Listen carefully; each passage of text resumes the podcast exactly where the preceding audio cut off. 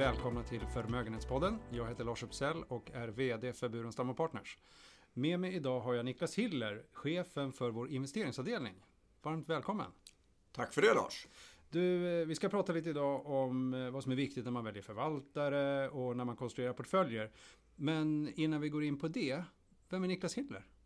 Niklas Hiller är eh, född och uppvuxen i, i Stockholm. Men flyttade ganska tidigt till utanför Sverige. Och har sedan länge verkat i Norge, Oslo, i koncernens sällskap förmögenhetsförvaltning. Mm. Har erfarenhet för jobb och förvaltning i oljefondet sedan starten av oljefondet och fram till 2007. Ja, en ganska bra bakgrund om man ska jobba med förvaltning.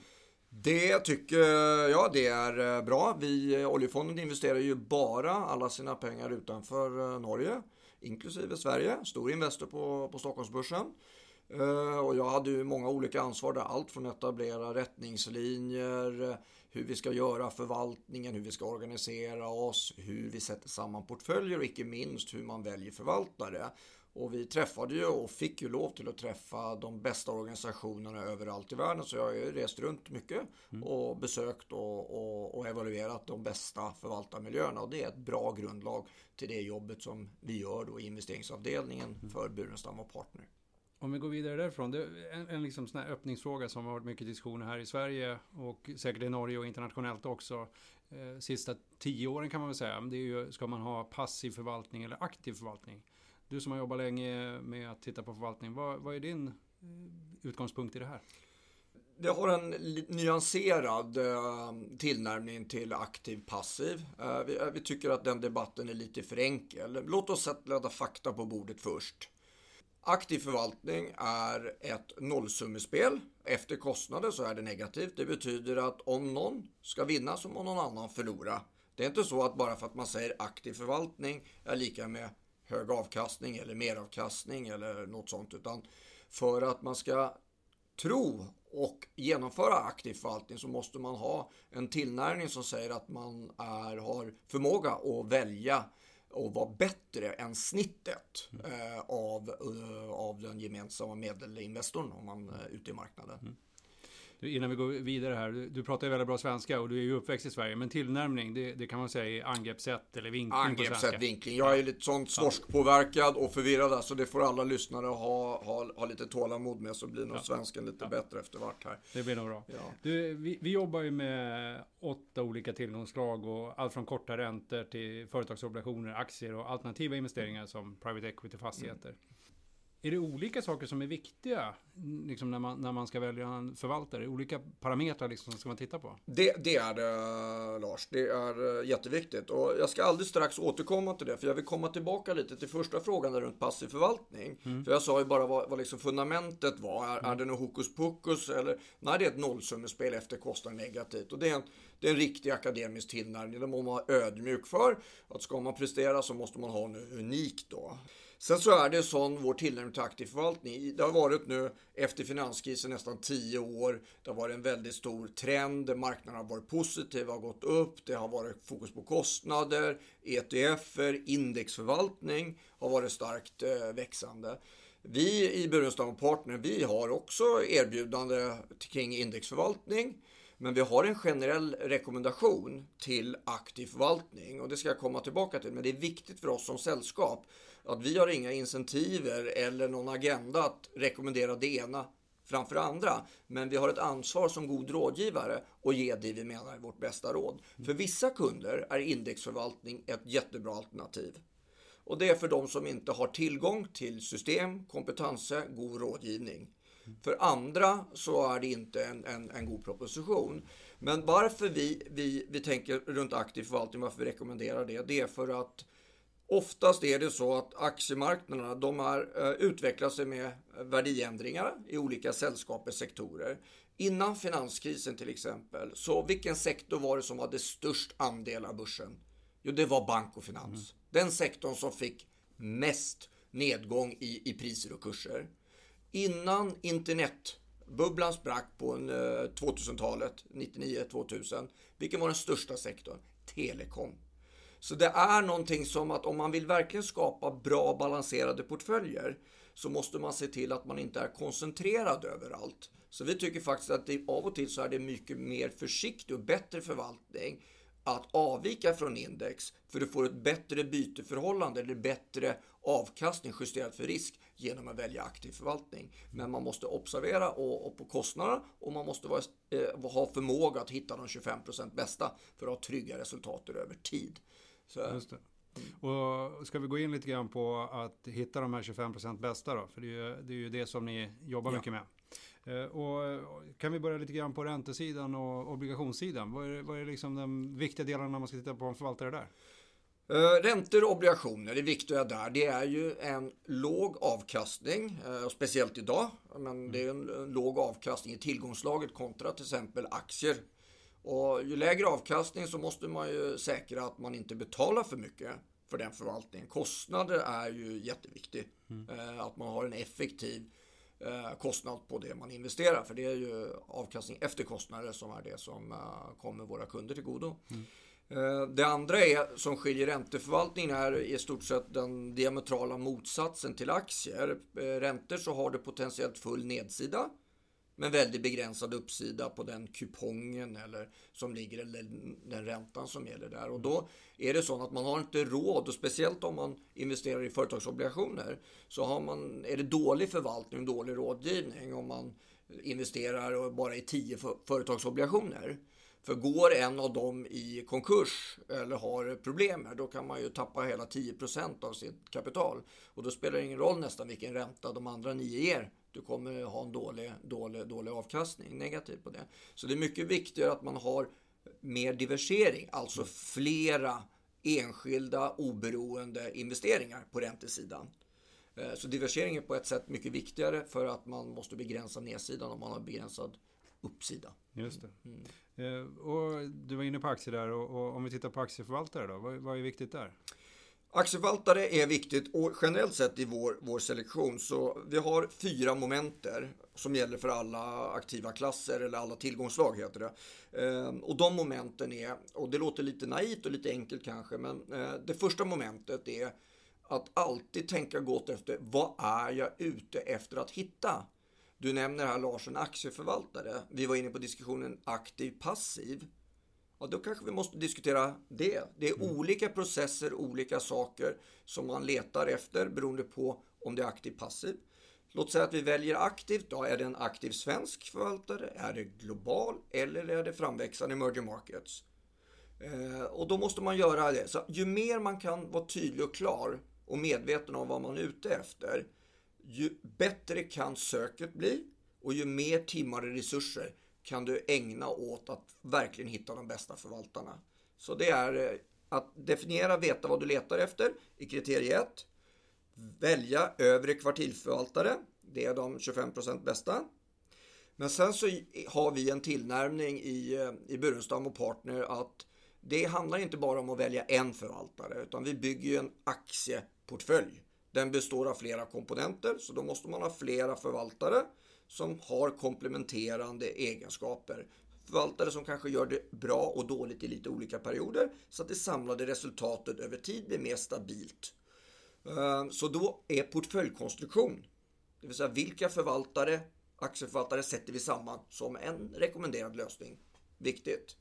Och till sist eh, så är det ju också viktigt eh, att man har ju en förväntan om vad förvaltaren ska göra för någonting, hur portföljen ska se ut och hur resultaten ska bli. Så man måste ha en kontinuerlig uppföljning.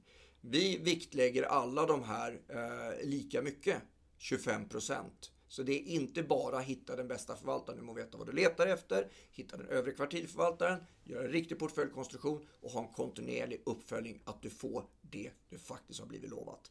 Just det. Och den här uppföljningen då gör ni då på olika stilar kan man säga och ni förväntar en viss stil från en förvaltare. Vad är det för olika stilar som man eh, tittar på när det ja, gäller aktieförvaltarna? De, de, mest enkla och vanligaste stilarna som, som, som förekommer och som finns idag också. Eh, men de flesta har hört talas om eh, att små företag gör det bättre än stora. Mm. Så det har liksom, är det stora börsnoterade företag du är eller är det små? Så det brukar man internationellt kalla en små, småföretagseffekt eller small cap mm. på engelska. Så det är en stil. Är det en förvaltare som fokuserar på små och medelstora eller är det en som väljer de största, mest kända bolagen som är på topp 10 eller topp 30 av listorna? Det är en stil. Sen så är det en vanlig stil som många använder och som vi känner igen oss från förvaltare i, i Sverige men också utomlands att det finns var väldigt vanligt med en, det man kallar en, eh, en value. Eh, eh, att eh, köper man billiga och investerar i billiga företag. Lågt prisade aktier och, och, och, den sortens ting. Så det är också en känd stil. Det var på något sätt de första stilarna som kom och det var en nobelpristagare, Fama French, som kom ut och dokumenterade att det är signifikanta faktorer som faktiskt påverkar aktiemarknaden utöver den generella aktiemarknadsavkastningen. Och sen utav det så har det kommit många andra stilar. Nu kan vi prata om kvantitativ förvaltning, fundamental, koncentrerad, icke-koncentrerad, systematisk. Det finns något som trend momentum och kvalitet har ju blivit Eh, väldigt populärt efter finanskrisen när man kom upp att vi har lägre förväntad växt i världen och vilka företag är det som klarar sig bäst och då, då var det viktigt att säga kvalitetssällskap, de som har varumärke eller har något, i alla fall till, till, som det verkar, ett monopol. Att, att de kan bevara marginer, inte lika konkurrensutsatta. Och så kan man välja, så finns det ett mellanting som heter GARP. Eh, det är växt till eh, en rimlig prising. Eh, och sånt. Så det finns massa faktorer. Idag finns det böcker, det var någon som sa att det finns 250-300 olika faktorer, men där, där är vi ju inte. Men, men, men det är faktorförvaltning, systematisk förvaltning är vanligt idag på samma lik som indexförvaltning och traditionell aktiv förvaltning. Just det. Du, bra, tack för det. Då, om vi går vidare från det här och, och mer in på hedgefonder. Nu var vi väl inne på lite hedgefondstilar där också. Eh, men, men vad är viktigt där? Det är ju inte lika öppet och transparent eh, på, på förvaltningen. Men, men hur gör ni för att få insyn och, och grepp där?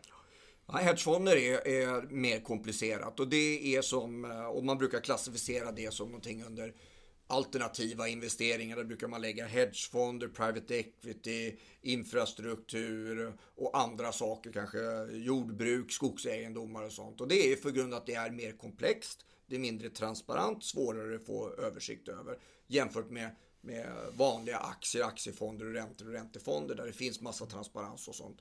Vår tillnärmning till hedgefonder det är för det första så måste vi ju ha resurser i Burenstam och Partner och i investeringsavdelningen och i koncernen till att göra ett trovärdigt arbete i tillgångslaget. Eh, och, det, har vi ju, det kan vi ju ticka av att det har vi.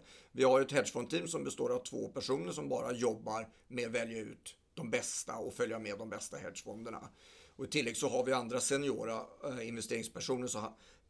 De två personerna som har fokus, eller tre personer på aktier, de är ju såklart involverade och välja det man kallar long short förvaltare på aktiesidan. Så vi prövar att utveckla och använda eh, resurser på kors och tvärs. Så det är resurser, du måste ha resurser annars kan du inte leverera något bra mer än snittet i bästa fall. Och sen så är det ju erfarenhet.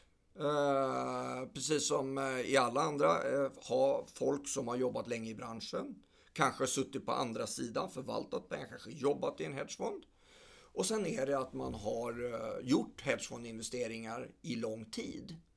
Vi har ju erfarenheter till 15 år tillbaka eh, med hedgefondinvesteringar. Eh, och, och, det är något värdefullt när det gäller att bygga nätverk. För det, mycket av informationen och hur, vilka fonder det är som är värt att investera i, vem som kommer, vem som lägger ned och allt det där tekniska. För det är mycket större omsättningshastighet. Det man måste byta förvaltare Eh, oftare med hedgefonder. De har en kortare livscykel eh, och livslängd om jag får säga det så än, än, än, än kanske traditionella långförvaltare. Det har lite med att det är mycket större aktivitet där. Så man måste vara med på, ha en kortare livslängd och, och, och då är det här med nätverk och fötter på backen eller vad man säger, händerna i jorden och kontinuerligt jobba med den portföljen och så blir det den som ett ekosystem då som eh, driver fram sig själv. Och sen så gäller det ju att hedgefonder är en annan sak eh, som hedgefonder kan betyda så mycket och, och, olika ting för många olika personer. Mm. Uh, och, och, då är det väl viktigt, och det jag menar, det är inte, en definition är inte nödvändigtvis bättre än en annan, men man måste bestämma sig vilken definition vi använder.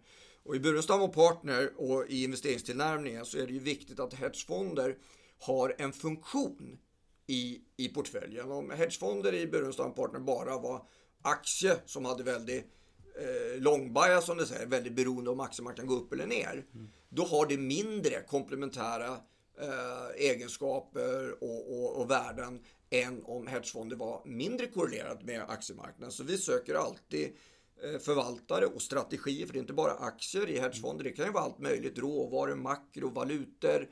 Fantasin sätter nästan eh, gränser för vad det kan vara i det, mer än att det är finansiella investeringar. Vi har för målsättning att konstruera portföljer som inte svingar eller varierar så mycket med marknadsavkastningen upp eller ner. Utan det ska vara något som tillför stabiliserande, komplementära egenskaper, men naturligtvis genererar avkastning efter avgifter.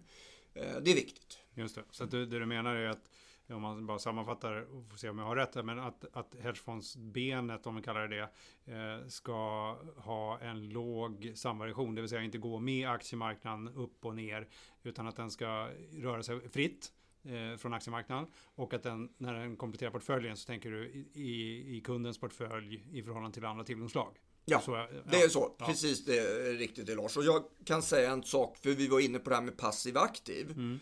Och, och, om man tänker på en, en, en, eh, när vi väljer då, har en generell tillnärmning till aktiv förvaltning. Ta en aktieförvaltare, en, bara ett exempel, en global aktieförvaltare. Så, så söker vi förvaltare som är, har eh, hög eh, del eller hög grad av aktiv förvaltning. Vad betyder det? Jo, det betyder att man avviker ganska mycket från Eh, det man kallar benchmark eller referenspunkter. Så, index i vanliga fall. Index, ja. precis. Man avviker från index. Ja. Så ett globalt index kan ju ha kanske 1500-2000 eh, företag eh, som är globalt. Vi kanske har portföljer och väljer förvaltare som bara har 30. Så, så, vi kan avvika. Vi kan ha ett avvik som nästan är 90, drygt 90 procent mot index. Det vill säga att 90 procent är ett avvik från index och det är bara en liten överlapp på index. Mm. Men, och det betyder att det är oftast att man då uttrycker det man kallar en, en, en övertygelse om att eh, man har valt riktig förvaltare. Förvaltaren har en god övertygelse av att han gör riktiga beslut. Och det är bra för att man betalar ju för aktiv förvaltning.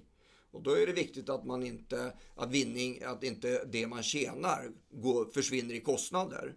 Och det har man gjort eh, undersökelser på att de, om man har Eh, Eh, det man kallar kunskap och förmåga att skapa långsiktig god aktiv förvaltning eh, och meravkastning så ska man ju ta ut det hos förvaltare som har hög grad av aktiv förvaltning. För då får man mest avkastning efter kostnader.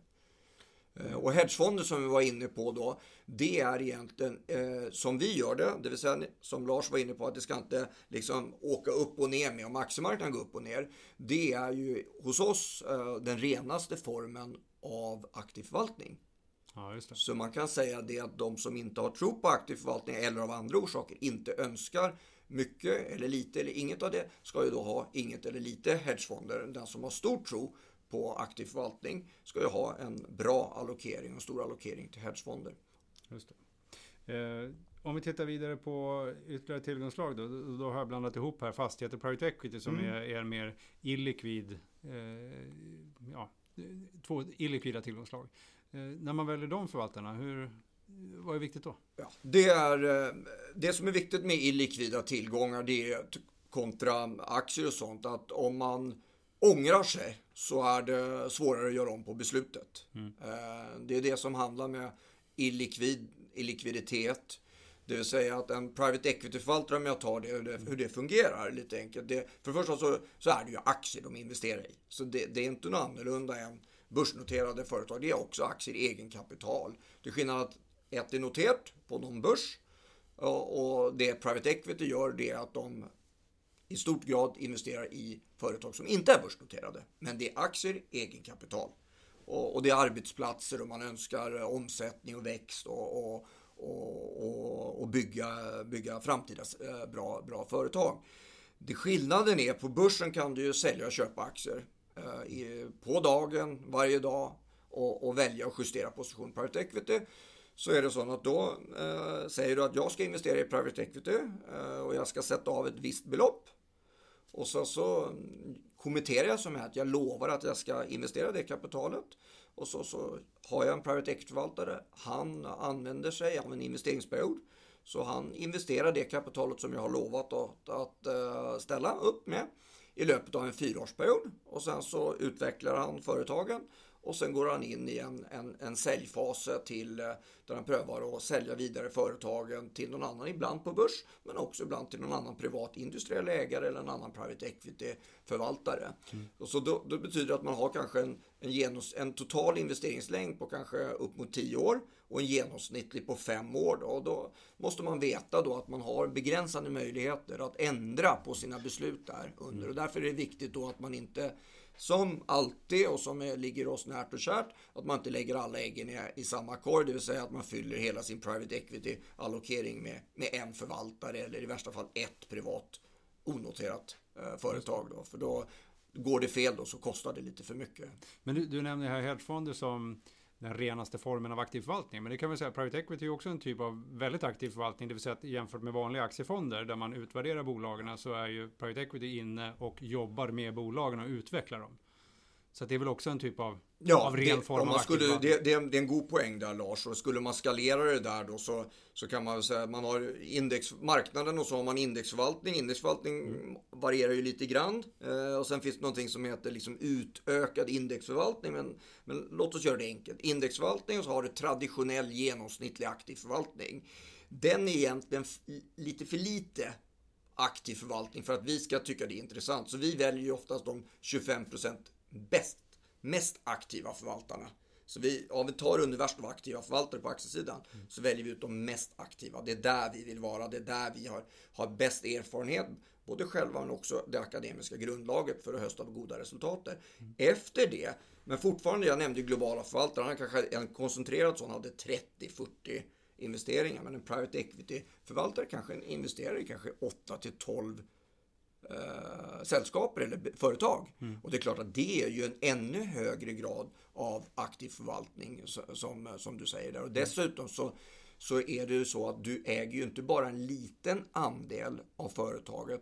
Private equity-aktörerna, när de köper ett företag så i de allra flesta så äger de 100% eller majoriteten samman med ledelse i sällskapet. Mm. Så de har ju en genomföringsförmåga och kontroll som är helt annorlunda. Mm. Så det är jag. Mycket mer aktivt, eh, mer risk men hanterat riktigt. Men kan också ha en mer långsiktighet för de behöver inte kvartalsresultater.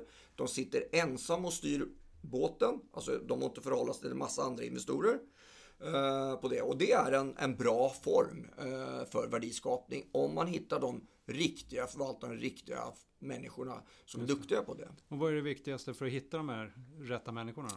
Jag tror, hitta de riktiga människorna är som allting annat. Du har en bakgrund, eh, du kanske har varit en, eh, många kommer från eh, konsulentbranschen. Och oftast då har man varit konsulent där man har hjälpt företag att göra eventuella industriundersökningar, utvärderingar av konkurrentanalyser. Mm. Man kanske har hjälpt företaget att göra tilläggsköp Eh, Eh, och då får man oftast erfarenhet från transaktioner, industrin, men också i omstruktureringsprocesser. Oftast kommer konsulenter in för att det är ju en, man, man måste ha hjälp att lösa någonting som man inte klarar själv. Eller man behöver hjälp med. Eh, man kanske har rätt idé. Och, och så många kommer därifrån, men inte bara det. Så finns det folk som industriell bakgrund som har varit eh, drivit ett företag, varit VD eller suttit i företagsledningar folk som sitter och har suttit i styren och, och, och sen är det entreprenörer.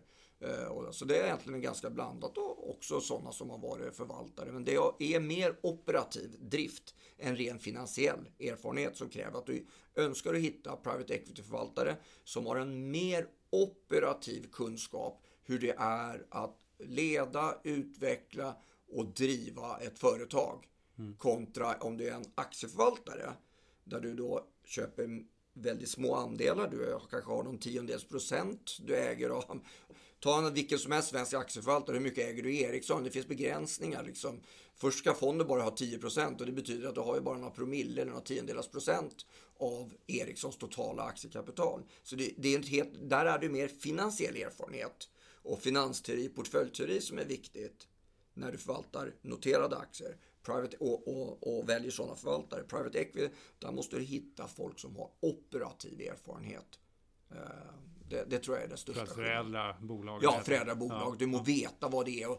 Allt från ett bra, vad är en bra ledelse, styrelse, förändringsprocesser industrierfarenhet, sektorerfarenhet och, och det. Mm. Och det är lite annorlunda. Du måste ha det som finansiellt, men det är från ett finansiellt perspektiv. Så det är mer praktiskt operationellt eh, er, erfarenhet och perspektiv. Du må leta efter bra private equity-förvaltare.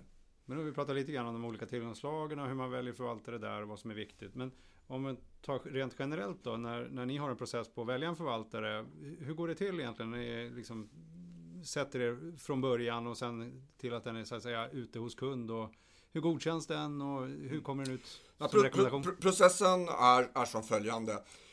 Eh, vi har idag eh, rekommendationer eh, och, vi har våra kunder investerade i våra rekommenderade förvaltare och portföljkonstruktioner och, och, och det. Då. Och vi har, hur det fungerar är, vi var inne på tillgångslag. Så investeringsavdelningen har då personer som är ansvariga för de olika tillgångslagen. Du nämnde aktier, så vi har personer som är ansvariga för aktier, vi har personer som är ansvariga för räntor, för hedgefonder, private equity, fastigheter.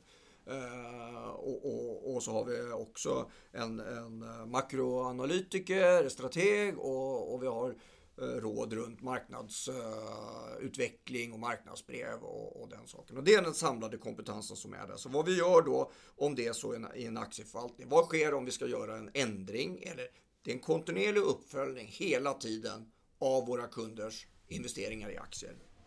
Vi tar in den informationen som finns där och låt säga att det sker någonting som sker av och till att en förvaltare slutar eller ett team slutar. Det är det enklaste. Då, det, det teamet och den förvaltaren har kanske varit det som har varit kärnan i det vi har köpt. Det som vi menar genererar värden och skapar goda, goda resultat. Ja, ja.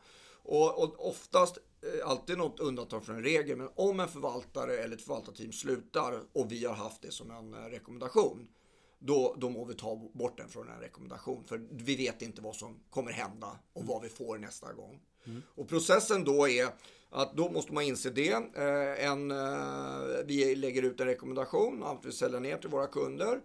Och sen så blir det en, en formell process att det är en investeringskommitté som tar det slutliga godkänningen. Att sälja sig ner till helt ut till noll att, mm. att avveckla all exponering. Men förvaltare som ansvariga har möjlighet att komma med rekommendationer att man ska minska och ta ner ganska betydligt innan. Okay. Eh, men, men, för att ta ut allt så måste det vara en formell investeringskommittégodkänning.